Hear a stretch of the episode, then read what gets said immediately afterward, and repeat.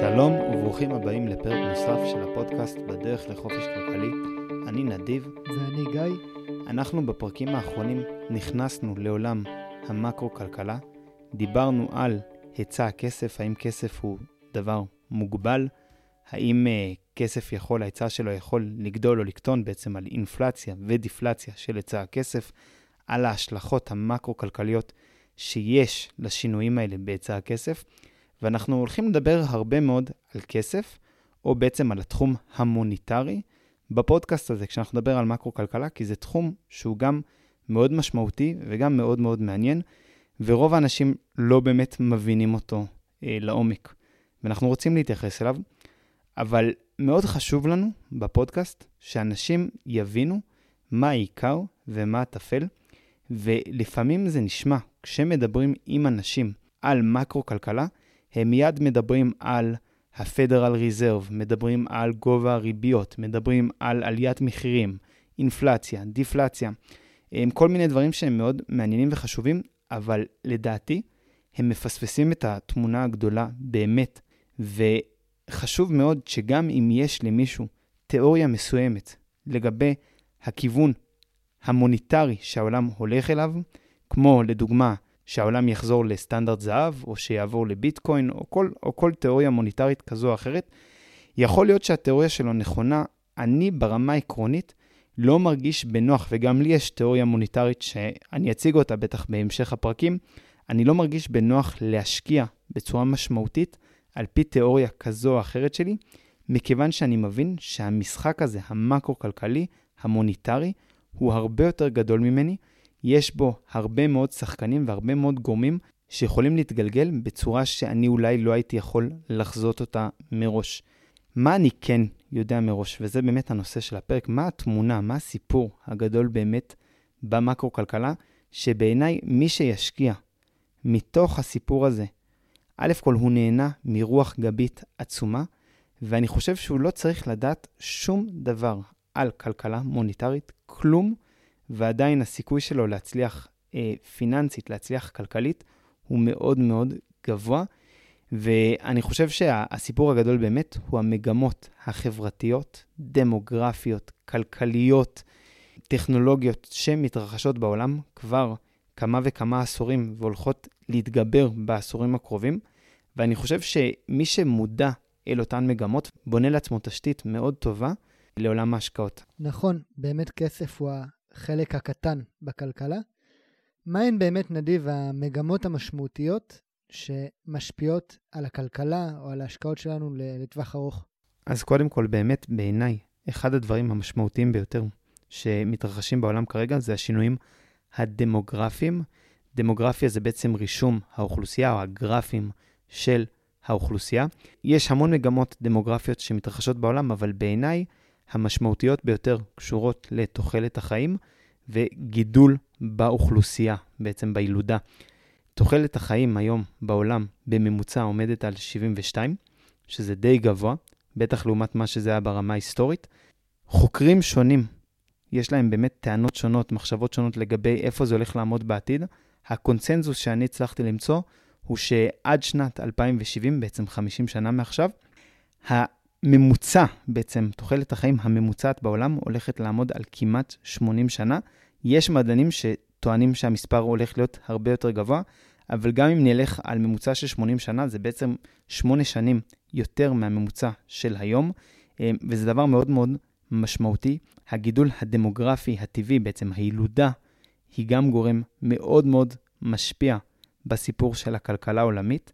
אם היום יש כ-7.5 מיליארד בני אדם בעולם, הצפי שבתוך 50 שנה אנחנו נגיע לאוכלוסייה של מעל 15 מיליארד בני אדם.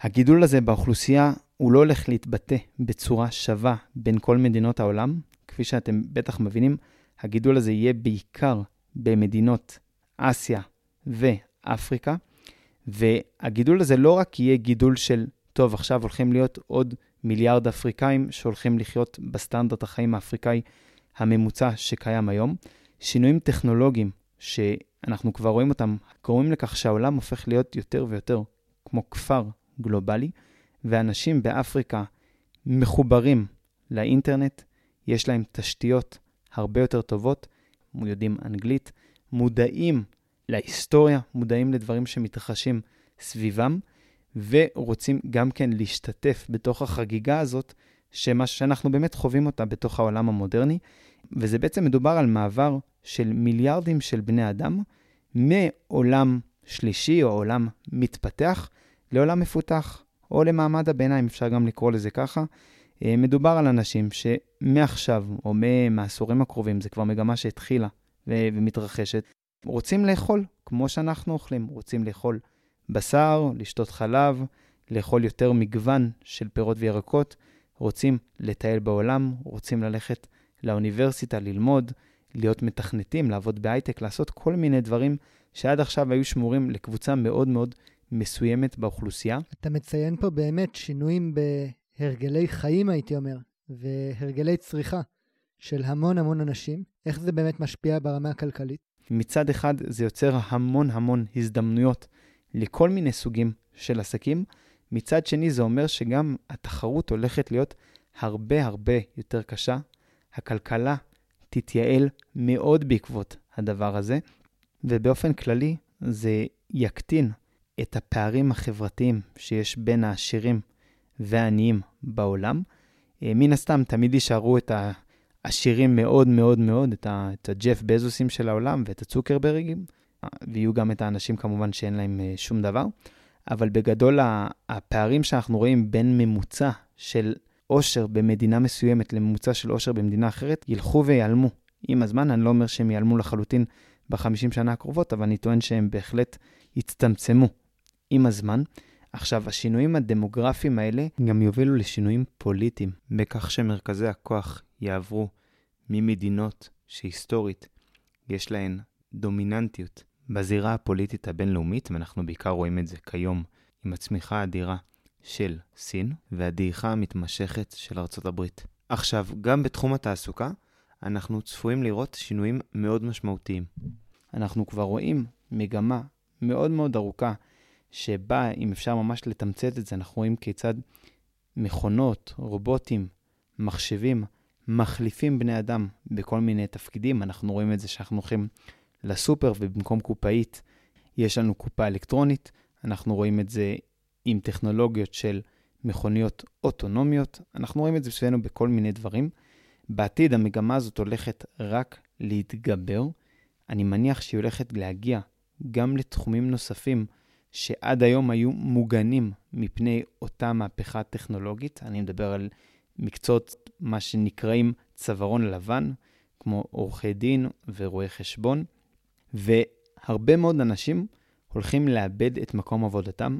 אני קראתי שיש השערות שכ-40% מאוכלוסיית העולם הולכת לאבד את מקום עבודתה או תחום עיסוקה בעשורים הקרובים. עכשיו, מצד אחד, זה כמובן ייצור שבר מאוד מאוד גדול, משברים חברתיים ופוליטיים מאוד מאוד משמעותיים. מצד שני, האנשים האלה כמובן ימצאו עבודות אחרות, ובתחומים שאולי לרובוטים פחות קל להחליף את בני האדם. אני מדבר על תחומים טיפוליים, תחומים שדורשים הרבה מאוד מקוריות, יצירתיות, ואנחנו נראה באופן כללי, לדעתי, שלאנשים הולך להיות הרבה יותר פנאי, הרבה יותר זמן חופשי.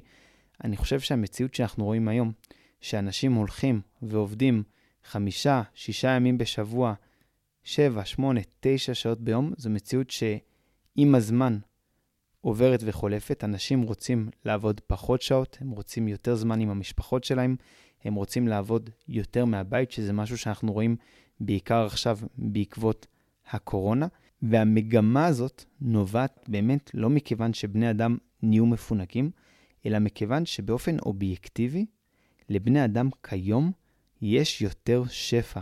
הם פחות חייבים ללכת ולעבוד בשביל המחיה השוטפת שלהם. אנחנו עובדים גם בשביל המחיה השוטפת שלנו, אבל בשביל ליהנות מכל מיני דברים שאנחנו תופסים אותם כאקסטרה, שאנחנו לא חייבים אותם. והרבה מאוד בני אדם באיזושהי רמה של עושר אומרים לעצמם, תשמע, אני יכול לעבוד עוד יותר ולהרוויח עוד קצת כסף, אבל אני מעדיף, אם אני יכול בכל מקרה גם לעבוד בחצי משרה או משהו בסגנון כזה, ועדיין להתקיים בצורה שמכבדת אותי, אני מעדיף את הזמן החופשי שלי לעצמי.